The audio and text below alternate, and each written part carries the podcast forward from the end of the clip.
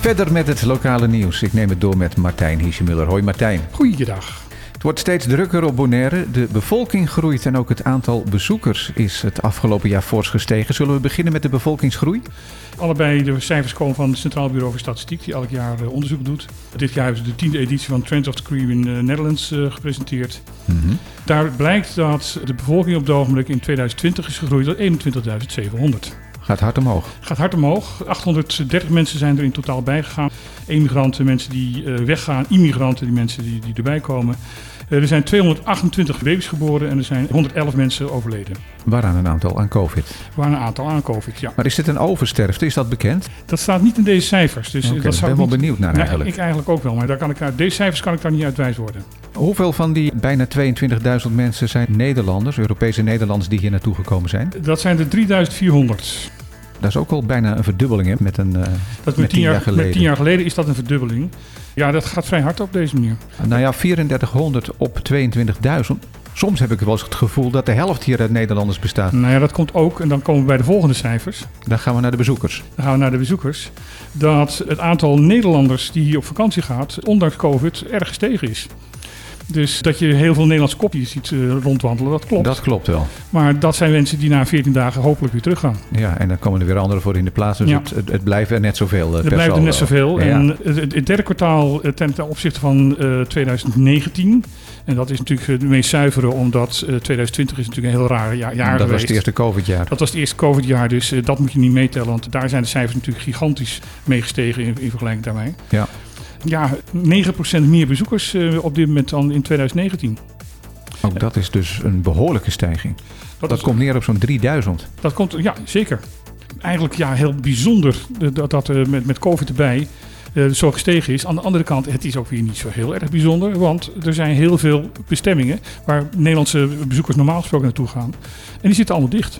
Dus ze moeten wel deze kant op als, als ze eventjes eruit willen. Als ze echt naar de zon willen, dan is Aruba, Curaçao, Bonaire eigenlijk de enige plekken waar ze nog, nog naartoe kunnen. Ja, dus dan is het weer even afwachten wat er volgend jaar gaat gebeuren als er wat meer bestemmingen beschikbaar zijn Ja. voor de Nederlanders. We hebben het eerder gehad over een klacht tegen een venter. Dat ging om een plek waar pastetjes werden verkocht in de ochtenduren. Er was toen sprake van een toeterprotest. Inmiddels is er een onderzoekje gedaan naar de legitimiteit van de maatregelen. En wat blijkt?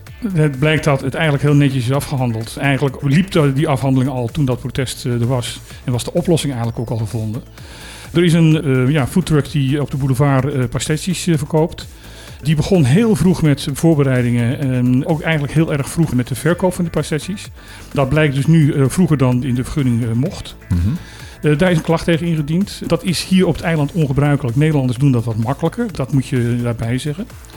Daar kwam dat protest ook van. Die, oh, die Nederlanders die kunnen ons niks en die gaan overal over klagen. Terwijl zij hier gast zijn. Ze moeten zich aanpassen aan de Bonaireaanse mentaliteit. Ja.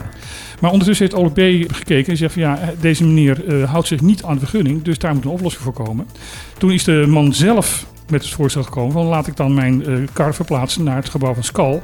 Ja, dat is bij dat speeltuintje, het waterpark. Ja, en eh, daar is geen overlast. En het is 100 meter daar vandaan waar die stond. Dus je zou denken iedereen tevreden dan. Volgens mij is iedereen ook tevreden, alleen die toeterende de automobilisten niet. Ja, maar die waren wellicht niet op de hoogte van de details. Ja, die waren waarschijnlijk toch weer op een Facebook-gerucht afgegaan. En eh, ja, dan zie je wat daaruit komt. Ja, nou lees ik over Facebook gesproken wel dat mensen nu zeggen van ja, hier wordt wel gehandhaafd. Maar als je maar genoeg geld hebt, eh, denk aan Chococo, dan eh, ligt de situatie wat anders. Maar goed, Dan, ja, die situatie ligt waarschijnlijk ook wat anders. Prinses Beatrix, onze voormalige koningin, is naar Curaçao gegaan en kwam terug met een coronabesmetting. Ja, eh, dat is al eh, vorige week gebeurd. Het is een berichtje wat even is blijven liggen. Maar ik vond het toch belangrijk genoeg om even te melden. Ja, ze is, ondanks dat ze drie keer gevaccineerd is, Want ze heeft de boostershot ook al gekregen. die had ze ook al gekregen, is ze wel besmet geraakt. Of dat nou in Curaçao gebeurd is, dat weet ik niet. Maar het vermoeden is er wel, want niet alle bijeenkomsten waar ze was, werd alle protocollen in, in acht genomen. Hoewel het aantal besmettingen op Curaçao relatief laag is. Dat klopt. Ja, ze heeft gewoon pech gehad waarschijnlijk. De Rijksvoorlichtingsdienst zegt dat ze zich eh, kerngezond voelt en dat ze niet te ziek is. Nou, laten we hopen voor onze prinses dat dat zo blijft. Ja, over de COVID gesproken, dat heeft natuurlijk allerlei gevolgen. We gaan het even hebben over virtueel genieten van muziek op Bonaire. Ja, de SCOL, de sectie Cultuur, Kunst en Literatuur, organiseert het tweede jaar achtereenvolgens een virtuele activiteit voor de Bonaireaanse bevolking. Dat heet het Vrolijk Uurtje vanaf mijn balkon. Dat balkon is dat nu dus virtueel balkon. En daar kunnen Bonaireaanse muziekgroepen, de Bonaireaanse bevolking thuis gaan entertainen. En dat gebeurt drie vrijdag achter elkaar. De aanstaande vrijdag de 10e, de 17e en de 23e. En dat kan gevolgd worden op het YouTube-kanaal van het uh, Openbaar Lichaam. Is hetzelfde kanaal waar ook de COVID-persconferenties alle op worden uitgezonden. ja. En kanaal 24 van NOS TV, helaas niet op Telbo.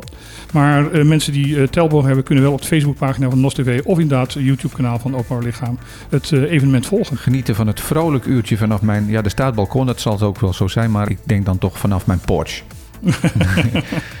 We hebben nog het weer te goed. Dat klopt. Vandaag is het ja, eigenlijk mooi zonnig weer. En uh, ook alle satellietbeelden en radarbeelden laten zien dat er geen bewolking deze kant op komt. Dus vandaag blijft het droog. Morgen is er wel kans op een lokale bui, maar een grote regenbui zal dat niet zijn. Wind en uh, temperatuur is gelijk aan, ja, zoals normaal altijd op het eiland. Dus een lekker briesje. Een lekker briesje en uh, 31 graden in de middag. Heerlijk. Dankjewel Martijn en tot morgen. Tot morgen.